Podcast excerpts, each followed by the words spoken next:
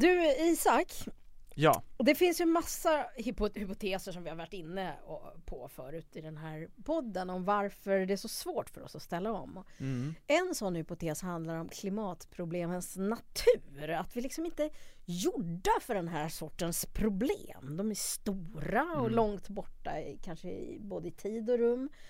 Eh, och det är massor av osäkerheter. Vi vet att det är kris och att eh, växthusgashalterna stiger.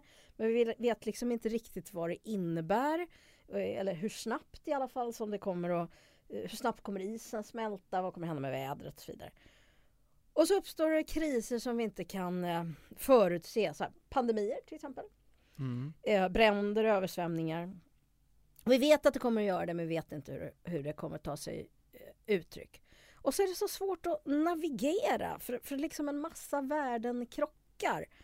Ehm, ja, men om alla de som lever eh, fattigt ska få det bättre och ska leva som vi, ja då klarar inte klimatet det till exempel. Ja, den här lilla sammanfattningen du gör Ja. just nu Maria, det, det, det får ju mig att, att Ja. inse varför människor inte gör någonting. Ja, Helt plötsligt så går det upp för mig varför det är så svårt att göra en omställning. ja Jag antar det var det, det du ville komma till på Ja, något sätt. på sätt och vis. Alltså, det är i alla fall en för- förklaringsmodell som kommer upp ganska ofta. Mm. Den är rätt deprimerande. För att det, Den är jättedeprimerande. Ja, men därför så tänker man så här, jaha, men det, vi har inte de här kompetenserna i vår, inbyggd i vår biologi liksom.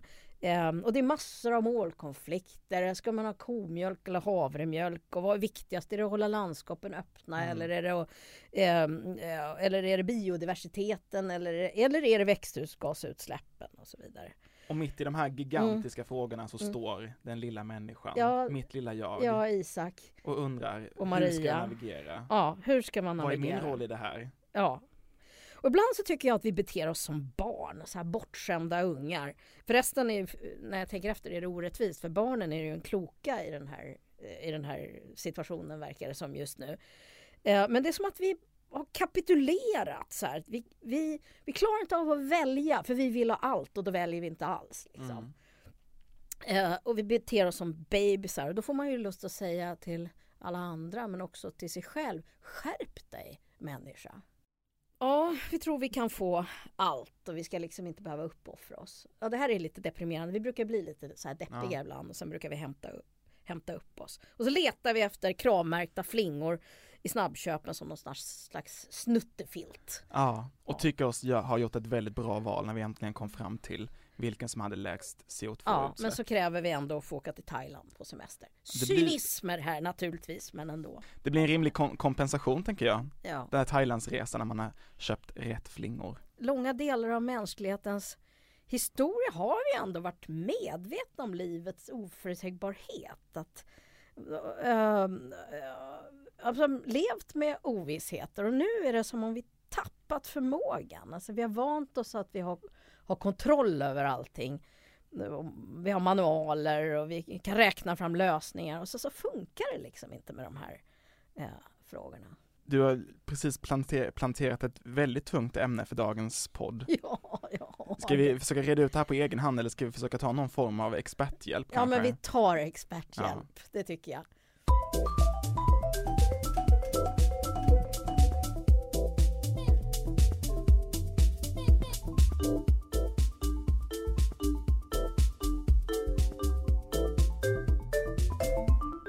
Hjärtligt välkommen till ett nytt avsnitt av podden Klimatgap, där vi utforskar gapet mellan kunskap och handling i klimatfrågorna. Och det är som vanligt Isak Janhäll, det är jag som pratar nu. Vad bra att du sa Ja. det.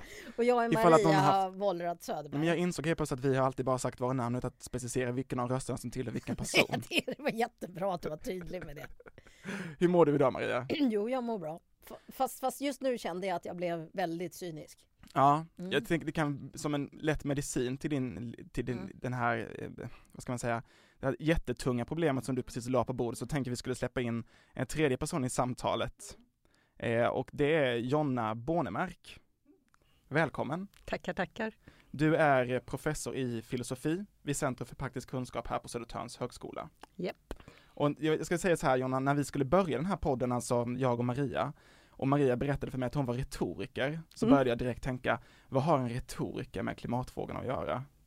Eh, och då insåg jag ju såklart att det var ju, byggde ju mer på min eh, bristfälliga kunskap kopplat till vad en retoriker eh, sysslar med. Och med Mm. risk då för att liksom ännu en gång då sitta inne med bristfällig kunskap så måste jag ändå fråga dig, på vilket sätt ska vi eh, eh, liksom få hjälp av, av filosofin i, i klimatfrågorna? Ja, men jag tycker ni var inne på det där i den där inledningen. Det är jättestora, gigantiska frågor. Det är ju existentiella frågor i Mm. grund och botten. Och jag tänkte på en gång också på vilken sorts fråga det här är.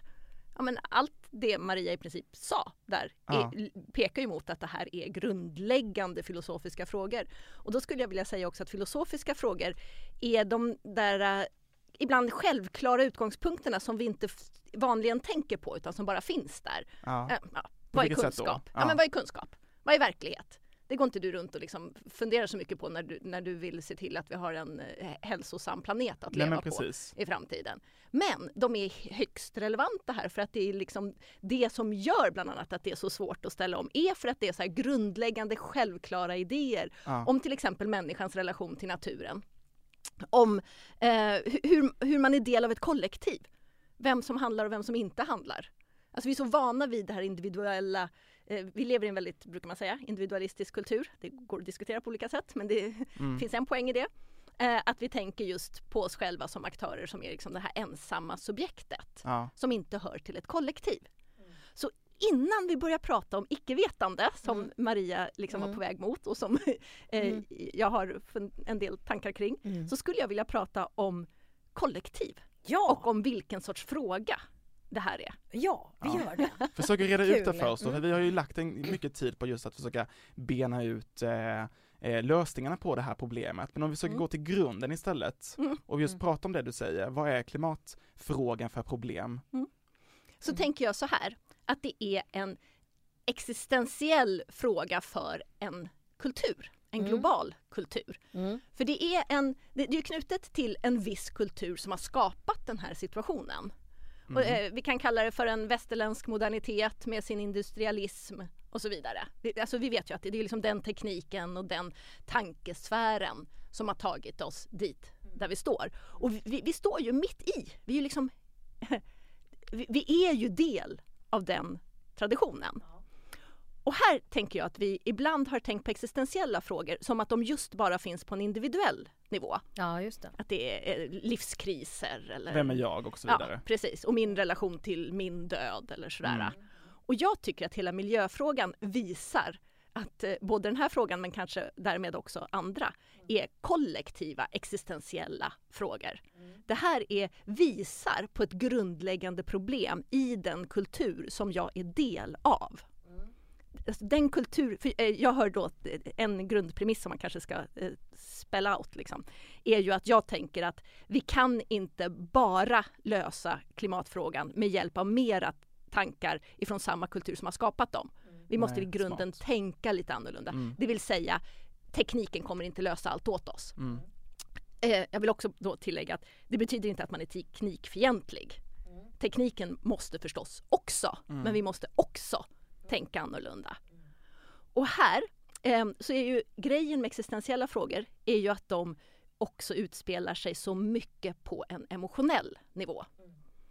Att det, det, är saker som liksom sitter i hela vår eh, vår vara och, och här brukar man ju säga att ehm, ja, men det viktiga för att ändra beteenden är ju att man måste känna någonting. Det räcker inte att få statistiken och få liksom rationella argument. Och här tror jag att vår kultur befinner sig mitt i det problemet. Mm. Alltså det är ingenting vi har framför oss, vi är mitt i det. Eh, flygskam, eh, all den ångest som är förknippad med det, här. det, det är inte en ångest som bara är liksom Marias eller Isaks. Det, alltså, det är Nej, en det. ångest som hör till en kultur. Men som vi ju förstås känner i individer. Och vi har ju avhandlat det här i i flera avsnitt just kopplat till smärtor och att man ska våga Mm. prata om dels grejer man kanske behöver ge upp som, som kan göra ont, men också de grejerna som du också är inne på, just det här med ångest vi har över, över olika typer av flygskam till exempel. Mm. Och jag vet att du har uttryckt tidigare att du är inte så himla främmande mot eh, att liksom embracea de här negativa, om man nu väljer att säga negativa, det, det är en fråga man kan disk- diskutera då, men Mm. ändå de här jobbiga känslorna som vi kan få kopplat till klimatförändringarna.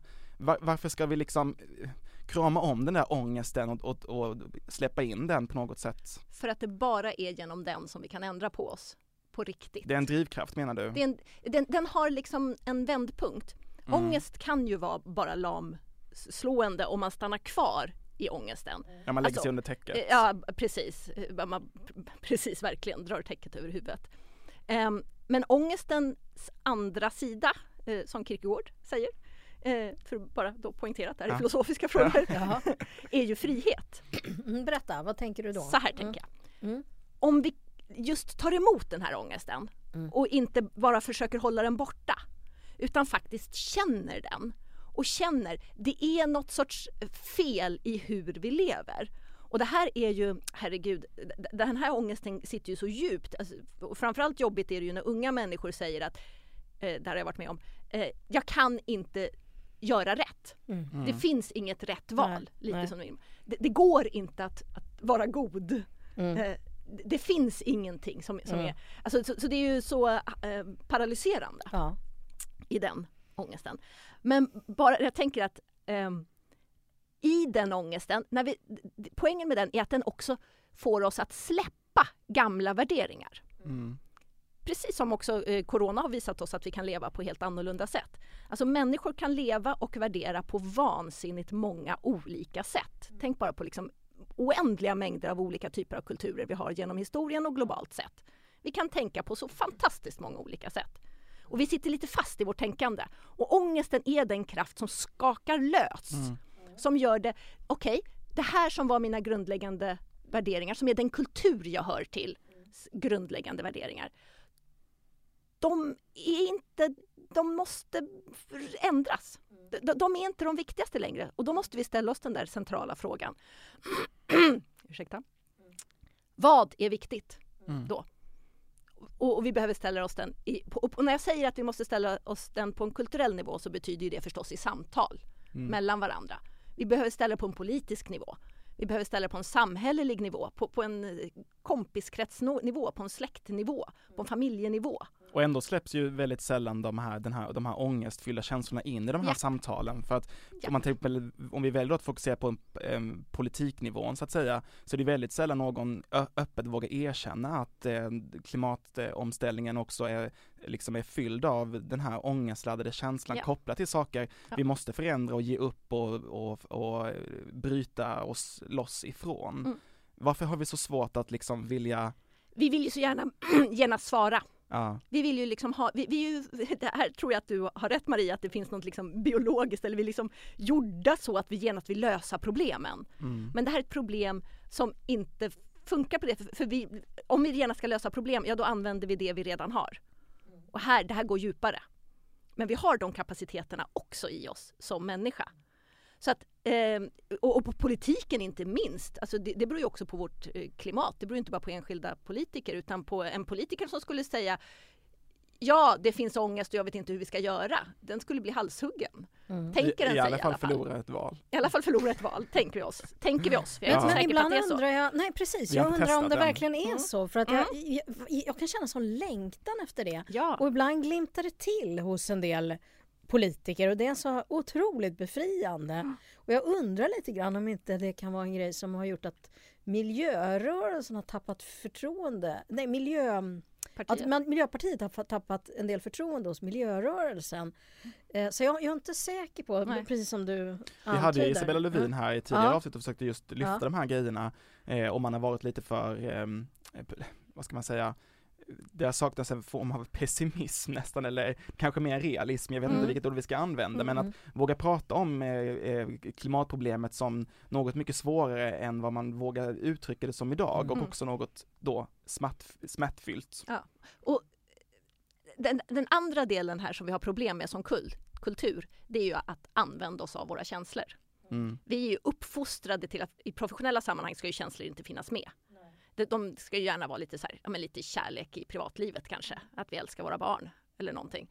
Men känslorna spelar ju en sån mycket större roll och vi, jag tycker vi är dåliga som kultur på att ta tillvara på den kunskap som finns i känslorna och den kraft som finns i Mm. känslorna. Så det här är, tror jag är andra delen av varför vi inte tar tillvara Mm. på, på liksom, eh, och använder oss av den här ångesten och låter oss också finnas i den. Och det är ju också då eh, förknippat med här eh, i, när vi är i ångesten, Mm. eh, det du var inne på där Marielle är på väg mot, att vi inte vet. Mm. Att, att vi inte genast har alla svar. Mm. Och det gör ju, alltså det i sig Mm. gör ju att vi lite måste tömma oss på gamla svar. Att vi lite måste öppna oss, att vi Mm. måste lyssna, att vi Mm. måste liksom ändra oss längre ner Mm. I oss själva. Och nu gör Jonna en rörelse och pekar mot sin mage och det tycker jag är intressant. Att, att, det, att det, det är den känslan av att det är där det sitter djupt inne i det kroppsliga också kanske Ja. på något sätt. Verkligen, Men i våra det- begär. Men jag måste tillbaks till en grej. Mm. Det, det har ju varit eh, en lång tid där man har sagt så här att eh, eh, det som kan få människor att ändra beteende är inte ångest och rädsla. Det har ju vi eh, diskuterat en hel del förut. Utan det är hopp. Och så har man sagt Mm. att eh, eh, faktum är att jag deltog i ett samtal igår med eh, eh, eh, en, en företagsledare som som menade att, att det var inte alls jobbigt att ställa om utan det är bara någonting positivt. Eh, och, och, och det gäller att förmedla den bilden.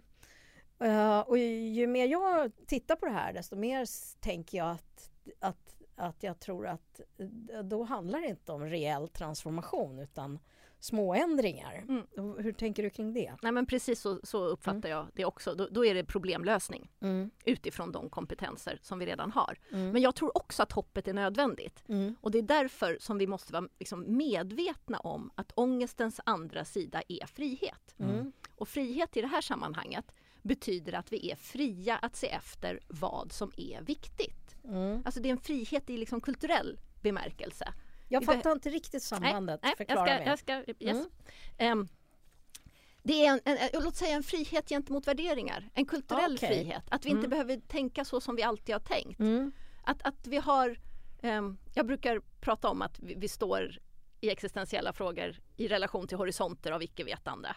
Att, att världen är liksom större och här är det ju liksom så uppenbart, vi vet inte. Men just där så kan, alltså det, det betyder inte, vi är så snabba vi att tänka att antingen vet vi eller så vet vi inte. Men det är ju just för att vi inte vet som vi kan lyssna. Som vi kan fånga upp vad som är viktigt. Och där tänker jag både i våra egna liv, på, återigen, på, på liksom de sociala nivåerna, på de samhälleliga nivåerna, på de politiska nivåerna. Så kan vi fånga upp igen, ja men vad är riktigt viktigt här? Och då tänker jag att grundläggande begär är eh, inte, att, att man inte ska slåss mot begär utan just se vilka begär som är viktigast. Ja men vårt begär efter ren luft, efter vatten. Vi är så snabba vid att tänka begär som att man bara vill så knulla med grannens man. Ja, eller eller, eller, eller massa drifter som förstör klimatet. Ja precis. Kan man också precis. tänka Eh, på. b- Girighet. Ja. Och där måste vi se, ja men det är ett begär. Mm. Men vi har också ett begär eh, efter eh, um, en, en hållbar en, eh, eh, eh, att känna att vi bor och, och är människor på ett sätt som fungerar i ett liksom eko, ego, eh, ek, inte ekologiskt, ekologiskt. Nej, men det är ju en trygghet System. också att, att kunna lita på framtiden, Mm. att eh, veta att ens barn kan ha Ja, det Precis. bra. Ja. Precis, vi har begär efter att våra barn ska Mm. kunna leva ett gott liv. Mm. Vi, alltså, så jag tror att vi behöver bryta loss de här. Det det är Mm. inte det onda begäret mot det goda förnuftet utan de här två måste Eller det samarbeta. goda icke-begäret. Eller Man det kan ju tänka sig det goda begäret också. Men jag tänkte lite kopplat just till, om Mm. man ska se då klimatproblemen som en form av en krishantering som pågår, så skulle i så fall eh, eh, just klimatet vara den enda krisen i världen där man inte släpper in de här jobbiga känslorna. För det är ju just det här hoppet och ångesten i, i liksom sam, samverkan Samma. är ju en del av all typ av krishantering. Om vi kollar på till exempel eh, coronakrisen just nu så bygger den ju jättemycket på att prata om de jättejobbiga grejerna. Eh, Mm. Förutom dödsfall och sådär såklart också, vad innebär det att vi inte har så mycket social kontakt? Vad är det vi saknar mest Mm. eh, med vårt liv innan corona? Men det är inte, liksom inte lika välkommet i klimatkrisen och man kan ju undra hur vi hamnade där på något sätt, Mm. att klimatförändringen eller omställningen enbart skulle bygga på positiva känslor när Mm. all annan krishantering alltid har byggt på de här jobbiga känslorna i kombination med lösningsfokuserad Ja.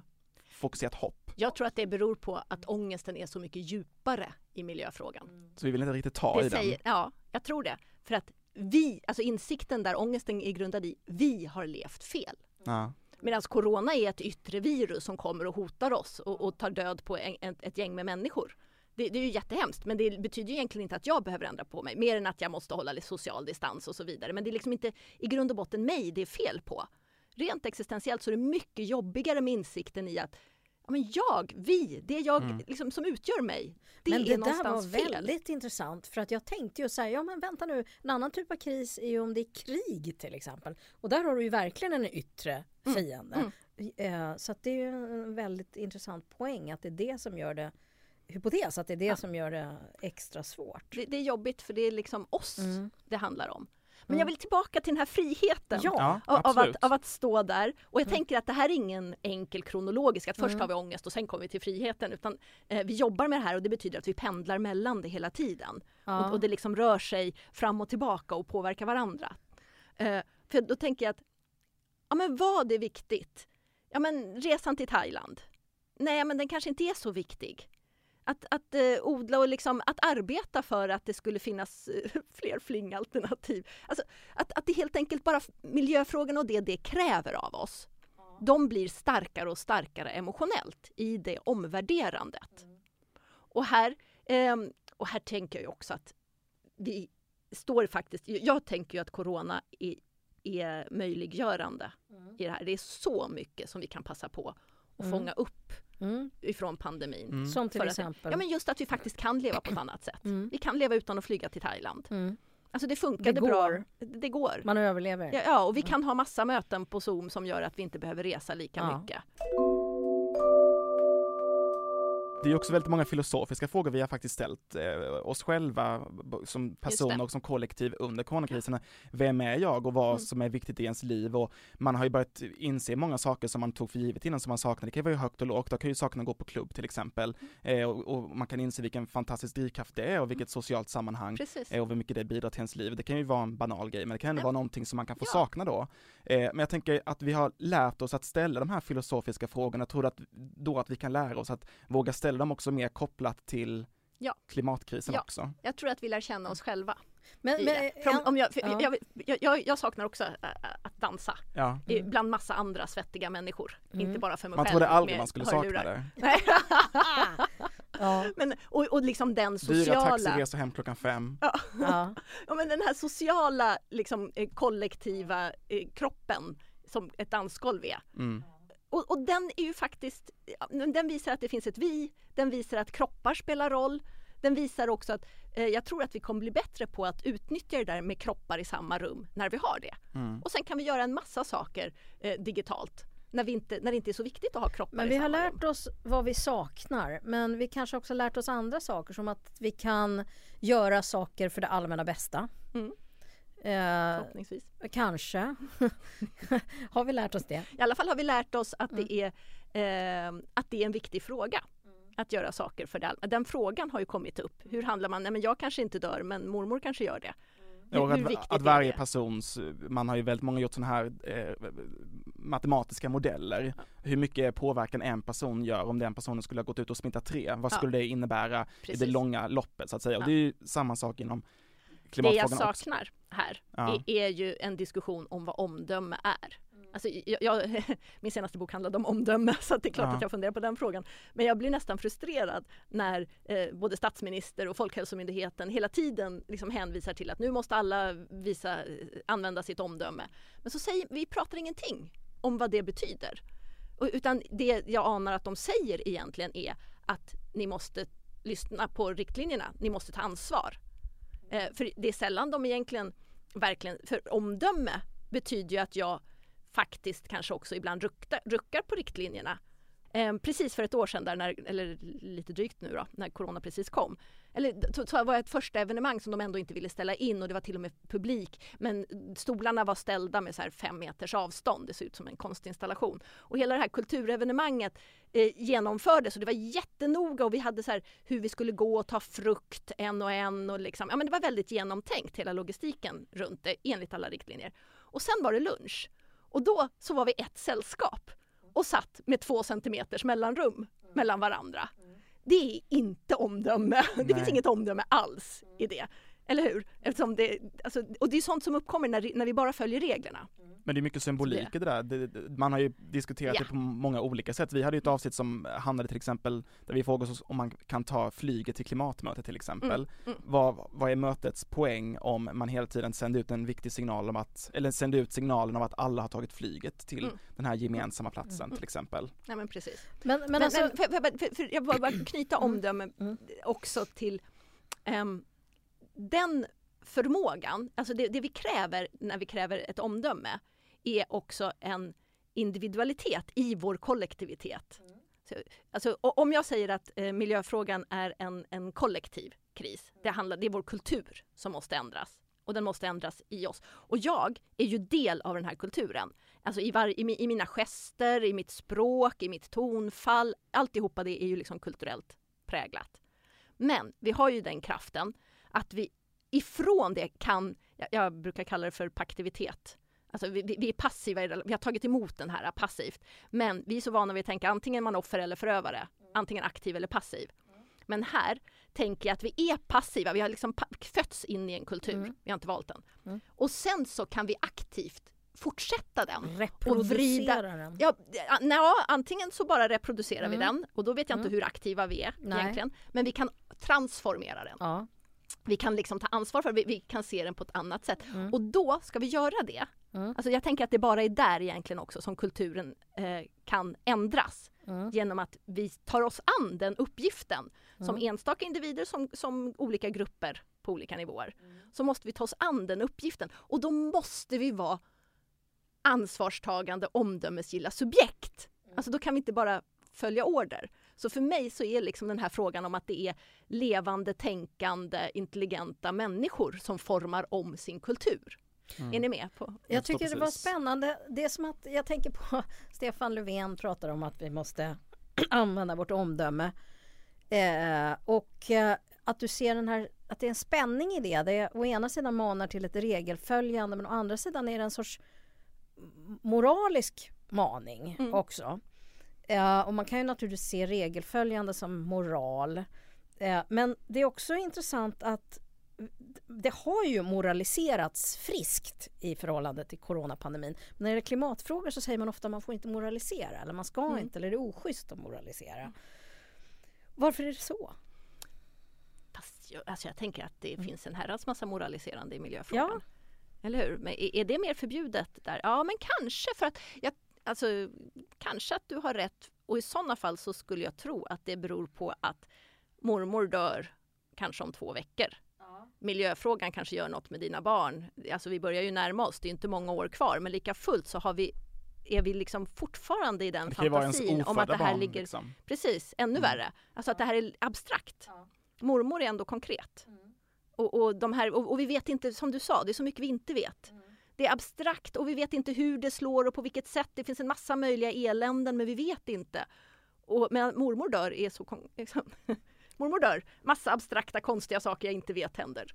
Men apropå icke-vetandet och Mm. detta med friheten. Mm.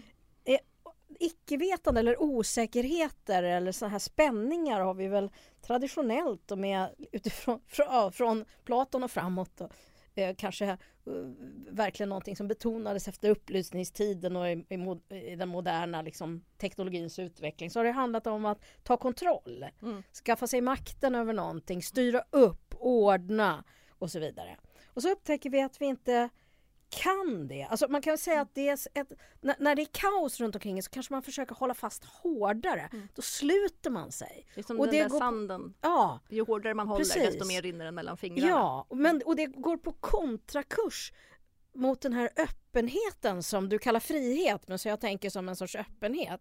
Att vi släpper liksom på det som vi har hållit så fast i. Ehm, men det, och det är, ja, nu tänker jag högt här, det är liksom förknippat med ganska mycket jobbiga känslor. För man vet inte vad man ska hålla tag i. Nej. Eller vem man är. Och så blir det massa pseudo grejer. Som som vi liksom lite grann låtsas om att vi checkar av. Herregud vad mycket pseudogrejer jag tycker mig se när jag tittar på, på, på när jag håller på och analyserar eh, den, den politiska debatten. Och jag menar jag tänker på hela, ja men då gör vi en utredning, sen gör vi en utredning till. Mm. Ja men vi har ju mål, säger man. Det är en svensk klassiker, Alltså, ja, vi har ju mål. göra utredningar. Ja. Men Det finns på, mycket sånt. Mm. Mm. jag tänker på det här med omdöme och frihet och sådär. På Mm. något sätt kan man också ifrågasätta sig om vi har tid med det här med att förlita oss på Ja. vårt goda omdöme och vårt sunda Mm. förnuft och friheten. För på många sätt så känns det ju mer och mer som att, att människan uppenbarligen inte har förmåga själv, precis som vi var inne på, att hantera den här krisen utifrån vårt egna omdöme, utan vi är nästan i behov av någon som sätter ner foten väldigt tydligt exakt hur vi ska leva. Vad är det exakt vi ska En köpa? diktator.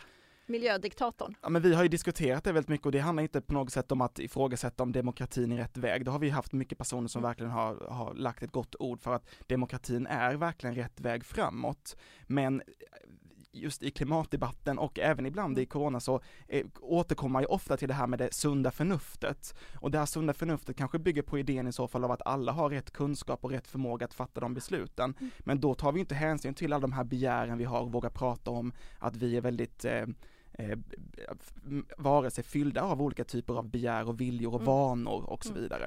Men jag tycker det du pratar om nu är att vi, för jag tror det, måste handla på en kollektiv nivå. Och att handla på en kollektiv nivå är ju politikens uppgift, inte minst. Det finns, alltså, en organisation kan ju handla och sätta upp riktlinjer för sig. Vi handlar hela tiden på kollektiva nivåer. Och det är där det blir så liksom risk för att det där blir eh, tomma pseudohandlingar eller window dressing. Liksom. Eh, men jag har många gånger i miljöfrågan blivit frustrerad över att så mycket läggs på individen.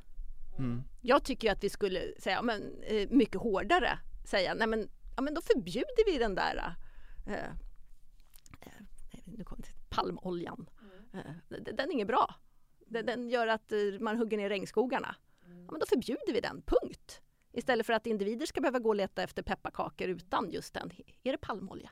Ja, Ja, absolut. ja, precis. Eh, Men då kan man ju verkligen undra då eh, om, om eh, människor hade reagerat över det att, att palmoljan ska inte förbjudas enligt lag utan den ska, vad ska man säga, ersättas utifrån sunt förnuft istället. Och det har ni ju faktiskt gjort om man nu tittar på många förpackningar som säljer kakor och chips och sådär där palmolja innan var en väldigt vanlig ingrediens så kan man ju läsa stora etiketter där det står ingen palmolja Mm. och man har ersatt det med ofta då Mm. svensk rapsolja istället. Så där har ju Och det sen sunda... så finns det ett pepparkakspaket bredvid som kostar 10 kronor och som när de andra kostar 30 och där det inte finns ett stort Nej. paket. Varför inte bara förbjuda den jävla palmoljan? Ja. V- Vem kommer sakna den Men, liksom? men Jonna, det här är... Det, Det, jag, Den gör ju kakor väldigt goda, jag ska bara lägga till att, vi, vi, jag är inte emot palmolja som idé, jag är bara i- det är jag! emot, Emot eh, palm- effekterna av dem. Jag älskar knapiga kakor. nej, men jag tänker på... Men om vi tänker på vad som är viktigt. ja. Det känns Ja. som, är det någonting vi kan offra så är det väl palmolja. Liksom. Alltså jag måste ändå erkänna att just knapiga kakor har jag jäkligt svårt att, att ge upp, men jag kan vara, om, Om rapsolja gör ändå ett hyfsat bra Det jobb beror där måste kanske jag ändå ändå på säga. vad som står på spel. Ja, förlåt Maria, Ja. du skulle säga något betydligt viktigare. Nej, jag tänker på att eh, eh vi har pratat mycket om det här med individ och kollektiv. Att, eh, visst kan man ju tycka det, att det borde fattas beslut på en kollektiv nivå. Men det är inte så lätt att sitta hemma och tycka att någon annan borde. Det är ju också en sån här passiviserande grej. Och, och, och då tänker jag att är det, är det inte också så att man som individ kan, kan agera på en kollektiv nivå?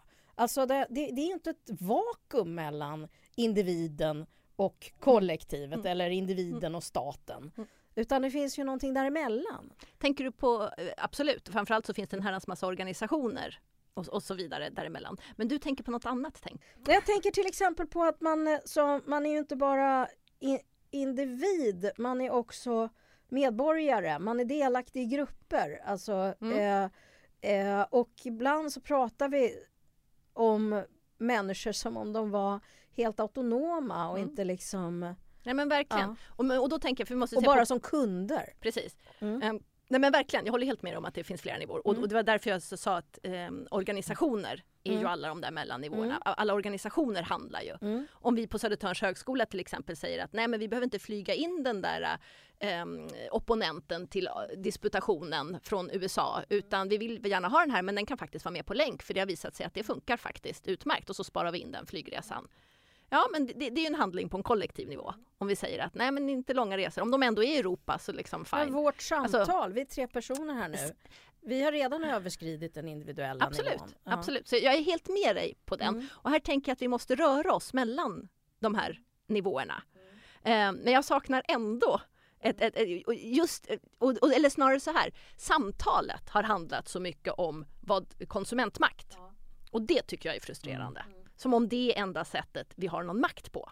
Och där tänker jag just samtalet, just hur, hur vi handlar som kollektiv i många olika nivåer är, och, och inte minst som medborgare, är eh, superrelevant. Och här överlag, eh, så, så, så, eftersom jag nu är, är eh, någon sorts eh, demokrat, eh, så, så tänker jag ju att det här med, med medborgarskap eh, är någonting som vi gör alldeles för lite av.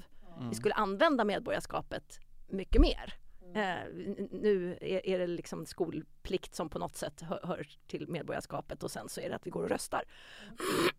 När värnplikten inte längre hör dit. Och, så.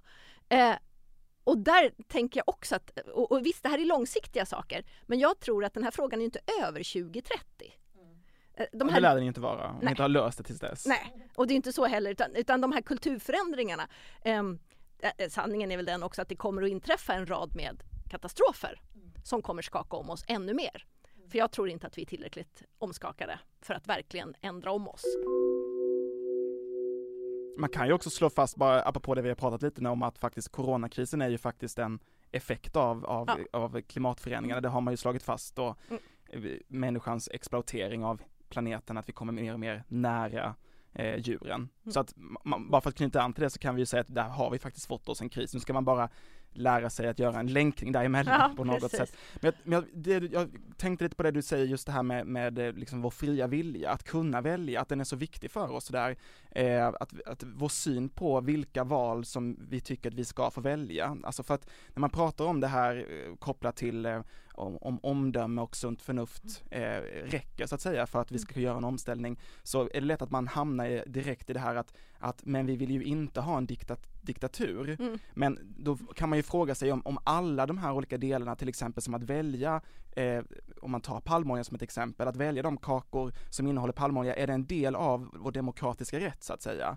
Att man, måste börja liksom ifrågasätta vilka saker ingår i den fria viljan. Ja. Det finns ju betydligt mycket mer andra grejer som är betydligt viktigare så att Ja. säga, som ingår i den fria viljan än att som konsument kunna välja allt, alla typer av innehåll som är möjligt i Ja. en, en matvaruprodukt verkligen. till exempel. Alltså, återigen så tycker jag att vi är för mycket i konsumentsidan, vilket ju beror på att vi lever i ett kapitalistiskt samhälle Ja. där vi för, först och främst är konsumenter och möjligtvis säljare. Eh, och då är det ju den fria viljan som är det viktiga och det här tror jag är en del av det som vi behöver liksom omvärdera. Precis som du säger att världen finns inte bara här för oss, att, för mig att välja på Nej. som ett smörgåsbord. Det är inte det världen är. Världen är liksom inte till för mig att köpa och använda. Världen är till för mig att, att vara del av och att liksom leda framåt. Mm. Och, och, då är det, alltså, och då ändras de där grundvärdena om. Den fria viljan är aldrig någonsin fri. Nej. Och det är den ju inte i ett kapitalistiskt samhälle heller. Den fria viljan är ju, det finns Men du, det är intressant för det här får mig att tänka igen på det bortskämda barnet. Alltså Mm. eh, Mm. att vi tror att vi kan få allt. Vi tycker ju att eh, i föräldraskapet att det ingår att vi måste sätta gränser och lära barnen att man kan inte få allting. Man Mm. måste kompromissa, man måste tänka på andra. Men det, varför är det då så omöjligt att, att prata om det riktigt när det gäller klimatfrågor? Varför gäller inte Mm. samma moraliska logik Mm. Där? Ja men verkligen. Jag Mm. tror att vi kanske är på väg dit. Mm. Jag tänker att det är en sån här grundläggande om... Och, och återigen så skulle nog mitt... Eh, Mm. Skulle jag försöka förklara det så skulle jag återigen hänvisa till alla de där jobbiga känslorna Mm. som vi inte riktigt vill tas med. Mm. Eh, och så håller vi kvar vid gamla värden. Mm. Men just den här autonoma individen som gör sina fria val på en oändlig marknad. Det tror jag det är precis en sån grundvärdering som vi behöver, som vi måste värdera om. Mm. Är det verkligen den friheten som det är att vara människa? Vad skulle kunna finnas för andra friheter då? Ja, kreativ, skapande, konstnärlig. Mm. Eh, alltså he- hela den intellektuella sfären. Mm. Eh, att, att få friheten att, att eh, dansa på det här sättet, på det här dansgolvet. Ha sex med vem jag vill, hur jag vill. Mm. Alltså det finns ju... Inte vad jag vill kanske men inte, inte vad jag vill, nej vi drar Nej. gränsen där. Mm. Det finns ändå andra människor här i världen. Ja. Nej, men jag, jag tänker att det är... Eh, och, och, dessutom när det gäller materia, vi mm. hör ju på många sätt säger vi till en materialistisk kultur. Men jag tror inte att vi förstår materian tillräckligt. Vi, vi värderar inte, vi säger också att vi hör till en slit och släng kultur.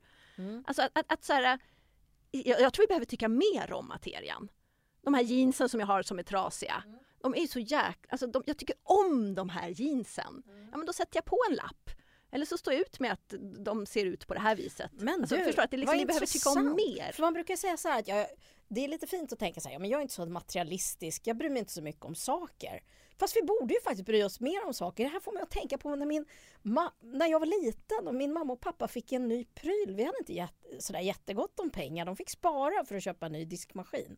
Sen satt de på varsin stol framför den diskmaskinen mm. och de klappade klappade den och de sa tänk vad tyst den är och vad bra den går och vad rent den diskar. Och jag och min brorsa tyckte att de var så urfåniga. Ja, men det är någonting oerhört vackert i att ja. verkligen uppskatta en diskmaskin ja, eller whatever. Ja. ja. Så att, för vi kan inte mm. heller uppskatta så fruktansvärt, alltså om vi lägger ner sån kärlek till våra mm. saker mm. så kan vi inte heller ha en miljon saker. Nej. För de kan inte vara lika viktiga. Nej, det är sant. Och, och det, det viktiga, alltså jag tror att vi behöver se och värdera den materia vi har omkring oss. Och samma sak med maten. Ja. Titta, nu finns det, nu finns det den här. Nu, nu är det säsong mm. för, det här. Den här, åh vad god den var. Ja. Alltså på ett sätt så behöver vi komma närmare. Det är som min äh, vän Nina som har varit med i den här podden äh, äh, berättade om när brunnen sinade på landstället och de var tvungna att bära upp diskvatten från sjön och det är en ganska hög backe mycket. Man, plötsligt så fick hon en känsla för vad vatten var mm. och hur värdefullt mm. vattnet mm. var. Eh, och, eh, och, och, och, och, det är väl också så att vi har tappat den känslan. Ja. Också därför att vi har kunnat förmera saker med, få, få, med de, de, fossila bränslenas hjälp. Mm. Jag tänker på ett annat besök vi hade i den här podden med Daniel Pargman som bland annat berättade om ett eh, tv-program eh, i Storbritannien tror jag där, där eh, en familj bodde i ett hus och så fanns det ett gym i närheten där de cyklade fram eller jobbade fram den energin som familjen behövde för att kunna ta en dusch och då fick mm. man se hur den här hur, den här, hur de här människorna fick slita bara för att det skulle kokas ett, ett, ett lite vatten och sådär. Mm. Och, och, och, det är som att vi har tappat den kontakten. Mm. Vi surfar lite ovanpå. Ja, just det. Jag kommer mm. ihåg första gången jag åt mango, jag kommer ihåg vilken upplevelse det var. Ja. Spännande ny grej som man kunde köpa i butik. Ja. Jag har ju absolut inte reflekterat över, reflekterat över någon gång igen så att säga, för att mm. nu finns det ju mango ja. överallt så att säga. De här förändringarna har ju skett väldigt fort måste mm. man ändå påstå. Mm. Eh, om man nu använder mango som ett exempel. Jag ska spinna vidare lite på det, jag måste bara mm. säga att den här liksom analogin du använde med att mm. det bortskämda barnet, den blir mm. lite ointressant egentligen desto längre fram vi kommer nu i tiden eftersom att det kommer visa sig att, att barnen är ju absolut inte de bortskämda Nej. i befolkningen, utan det är ju den, den, den bortskämda vuxna som ja. vi skulle ja. prata om. Men jag ska säga en annan grej bara kort till detta och det är mm. just de här existentiella frågorna som vi ändå då ställer till oss eh, och alltid har gjort kanske så här, vem är jag och vad är jag? Eh, och vad definierar mig själv, så att säga. Och då är det så mycket eh, saker jag tänker som, som vi använder som svar på vem är jag, som är väldigt, vad ska man säga, tungt klimatpåverkande beteenden. Till exempel att man är en globetrotter, alltså att man, mm. man är en person som upplever världen, eller att man är en mm. person som älskar att eh, liksom lära sig om nya kulturer och träffa nytt folk och mm. resa och, och, och, så vidare. Det, eller älska friheten i att köra bil genom Europa. Ja. Som, som kungen sa här i en podd häromdagen. Ja men till exempel, mm. och jag menar ja. hur, hur ska vi handskas med det då när svaret ja. på vem är jag, som är de, här, de är jätteviktiga de här frågorna. Mm. Och sen är svaret är ju jätteklimattunga mm. beteenden. Mm. Fast globetrotter är inte nödvändigtvis jättetungt. Alltså de har oftast lite pengar, reser och mycket med tåg åker, alltså då får man väl åka tåg till Indien. Ja. Alltså då ser man verkligen världen. Flyga är ju inte att vara globetrotter. Då ser man ingenting. Ja, det är ett då bara dimper man ner ja. någonstans. Man alltså man kan resa, man kan lyfta, man kan liksom, ja, alltså jag tycker inte railkorten ska tillbaka. Alltså att, att, eh, om man tittar vad som är kärnan i, i, den här identiteten. Ja. Och samma sak med kungen då. då. Om det är, är det fart som är grejen? Eller är det en... kungen, du kan cykla!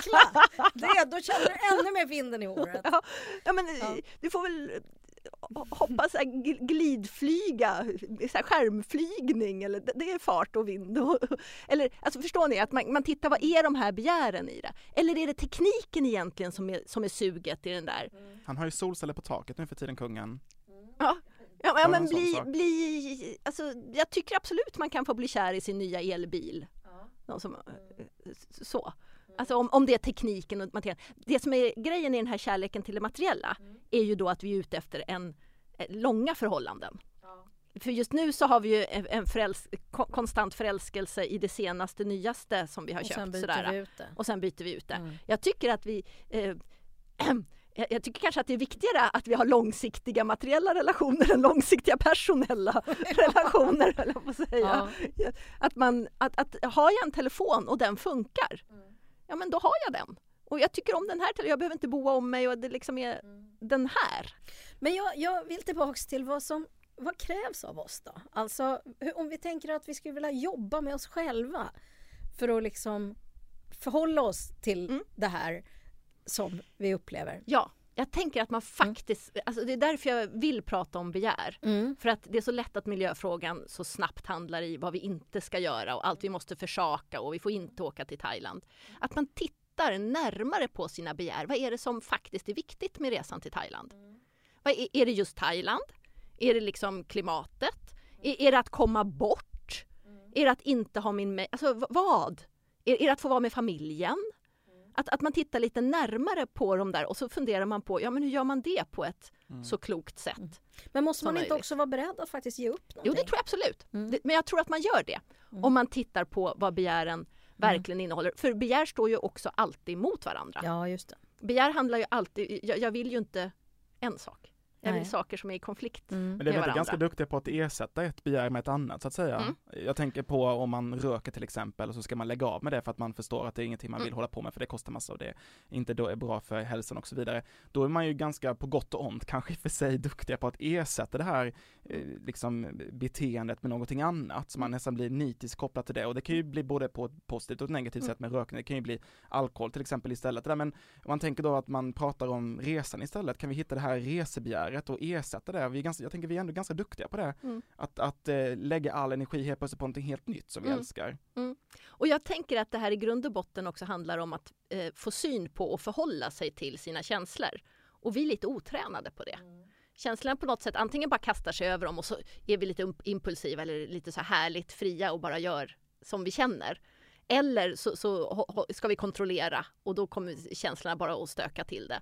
Jag, jag tänker att att lyssna och, alltså jag låter som en terapeut, jag vet, men jag tycker terapeuten på det här området, utöver att de inte riktigt förstår den kollektiva nivån alltid, men, men jag tycker att de har liksom en klok relation till känslorna so, som inte riktigt har slagit igenom, framförallt inte på professionella eh, plan.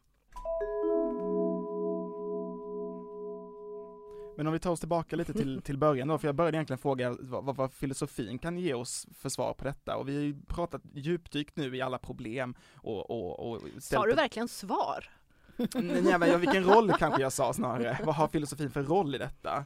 För jag tänker liksom, ja men kan inte filosofin vara en, en sätt att veta vilket typ av svar vi ska söka efter? Vilken typ av svar? Ja, alltså på ett sätt så, om, jag nu på något sätt personifierar filosofin Ja, här, så tänker jag att filosofin ju vill säga, kan säga någonting som sagt om vilken sorts fråga det här. Eh, att det måste handla om värderingar, det tror jag alla är överens om. Mm. Eh, jag eh, be- betonar känslor lite mer än många andra. Ehm, så här kan vi ha liksom en diskussion om, om vad som är viktigt. Men det är ju lite grann för att just eh, lyfta fram vilka dimensioner Mm. det det här rör sig i. Och jag vill säga att det här med att ly- lyfta fram begär och så vidare, det står ju inte i motsats till att vara en rationell varelse. Nej. Alltså det, det, det behöver inte ens vara i konflikt med att vara, för vår rationalitet kommer ju ur de begär vi har. Det är utifrån våra begär, om, om jag vet vilka begär jag har och, och liksom på något sätt väljer att bejaka dem, ja men då kan jag problemlösa på ett rationellt sätt. Mm. Men vet jag inte vilka värdena är eller liksom vilka begären är, då kan jag inte heller problemlösa. Men vad händer då med oss när vi tillåter Ehm. oss att lägga oss på den nivån som vi har valt att göra under det här samtalet då kopplat till klimatfrågorna som, som vi var inne på väldigt mycket i början att, att man kan uppleva att man saknar lite. Vad, vad, vad Mm. händer med oss då? Hur förflyttar vi oss närmare svaret på, för på något sätt så är det ju ändå så att, att, att vi, vi efterfrågar ju samtidigt de här konkreta svaren. Vilken gurka ska jag köpa? Vilken är Mm. bäst? Är det den växthusodlade eller den importerade? Eh, och, och de svaren vill vi fortfarande ha, Mm. men, men när vi inte, i, i brist på de svaren så kan vi ställa oss, många av de här mer, befinna oss på här, den här nivån vi är åt idag. Ja, Vad och- kan hända med oss då? Ja, men, och till och med samtidigt som vi funderar på vilken gurka vi ska köpa, för det behöver vi ändå inte ägna dag och natt åt, tänker jag, så finns det utrymme för att fundera på de här som handlar om att formul- forma om en kultur. Ja, Och jag tänker att det är precis det en sån här podd gör.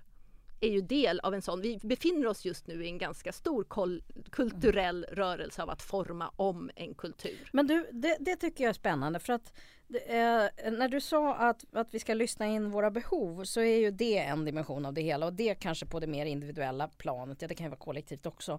Men jag tänker också att vi måste fylla saker med nytt innehåll eller nya Mm. innebörder. Och ny glädje kanske. Och ny glädje. Ja, men ta det här med resandet. Eh, Om vi tar Thailandsresan som jag tror att det är inte bara så att man har rest till Thailand för att det är så härligt utan för att det har blivit symboliskt. Mm. Det är en symbol för någonting som vi värderar i vår kultur.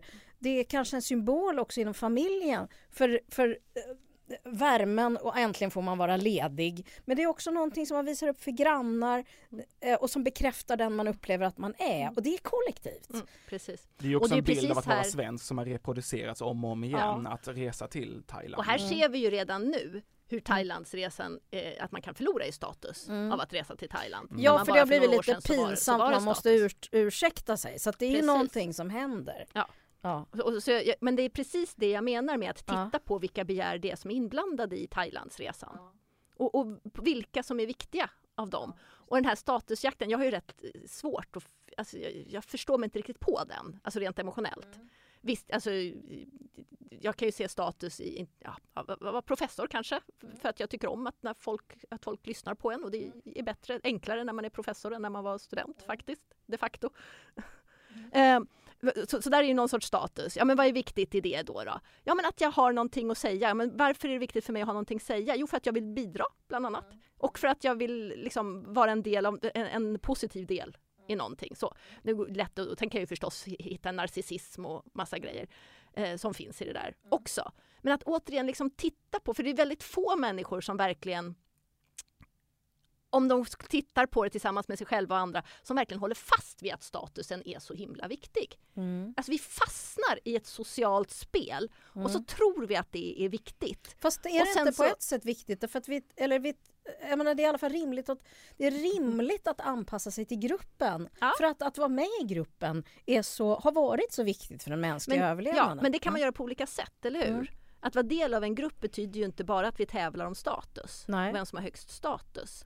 Att vara del av en grupp är ju bara att stå på ett dansgolv och vara Jo. massa kroppar Och det är också. intressant för att eh, jag tänker på i, i min forskning så har vi sett att eh, man ibland byter grupp när man också byter Mm. eh, förhållningssätt eller, eller man uppsöker grupper där man kan få stöd för det, det. man vill vara och Ja. det sätt man vill Och leva. herregud, i miljörörelsen Mm. finns det också verkligen ett statusjagande. Men Mm. jag tror att det där statusjagandet i sig är faktiskt problematiskt. Mm. Att vi måste titta på det i oss själva och faktiskt se återigen vad som är viktigt i det och vad som inte är viktigt Mm. i det. Nu var du alldeles nyss inne på dig själv lite grann här. Eh, det, det, och och din, din, ditt eget förhållande till status. Och vad tänker, vad, hur tampas du själv liksom med detta med att leva med osäkerhet och att eh, förhålla dig till klimatutmaningarna? Mm. Osäkerhet, gud herregud jag pratar ju dagarna ända om osäkerhet och att inte veta. Alltså, jag inbillar mig att jag är relativt bra på, jag har rätt, alltså att hålla mina barn till exempel utan att veta vart de är på väg. Så där hoppas jag, jag jag har en, en, en fantasi om mig själv som att jag är bra på det. Däremot så tycker jag att det är jättesvårt just det här vara del. Jag lever ihop med eh, min pappa och stora delar eh, min pojkvän som båda två är stora köttätare. Och det är de som sköter maten. I, de lagar mat åt mig. båda två. Jag, jag tycker inte om att laga mat, jag är inget bra på det. Jag är jätteglad över det. Och då kan inte jag komma och säga till dem vilken sorts mat de ska laga. Det skulle jag kunna, men den konflikten är liksom inte värd det. Så att eh, jag äter, eh, jag vet inte riktigt vad jag äter. Jag äter det de ställer framför mig. Så. Och de här sakerna får man ju liksom, ja men då får jag bidra i någon annan ände. Och så känner jag lite så här, ja men jag kanske, om jag, när jag lever själv, när, när jag är Mm. 65, Mm. då, då, eh, ja. Mm. Och så har man massa fantasier. Mm. Så, så det är klart att man går och sliter och drar. Intecknande av framtiden kallar vi Ja. den typen av argumentation. Eller hur? Mm. Eller hur? Mm. Men här tycker jag att det är eh, intressant med, samtidigt så noterar jag ju att den som är absolut mest klimatvänlig i min familj, det är min pappa. Som inte har någon bil och som inte rör sig. Han promenerar fram och tillbaka till Huddinge centrum. Och han liksom, ja, han reser definitivt inte till Thailand. Eh, så. Eh, och köper verkligen inga nya prylar liksom, i, i, parti och minut. Så, så att ehm, ja, någonstans här så får det upp också min blick för kollektiv och att det inte bara handlar om att jag ska göra rätt utan att jag också tar de samtalen. Eh, att jag också möter, alltså att jag inte bara friskriver mig från titta nu lever jag. Eh, och, och om jag levde själv och kunde leva liksom precis sådär som man ska enligt miljöhandboken då, då, då friskriver jag mig lite från all skuld och står utanför det och så är det ert problem.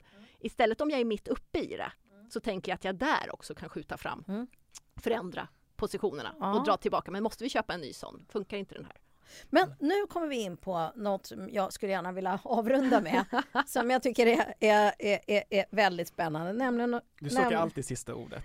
Ja, det är så.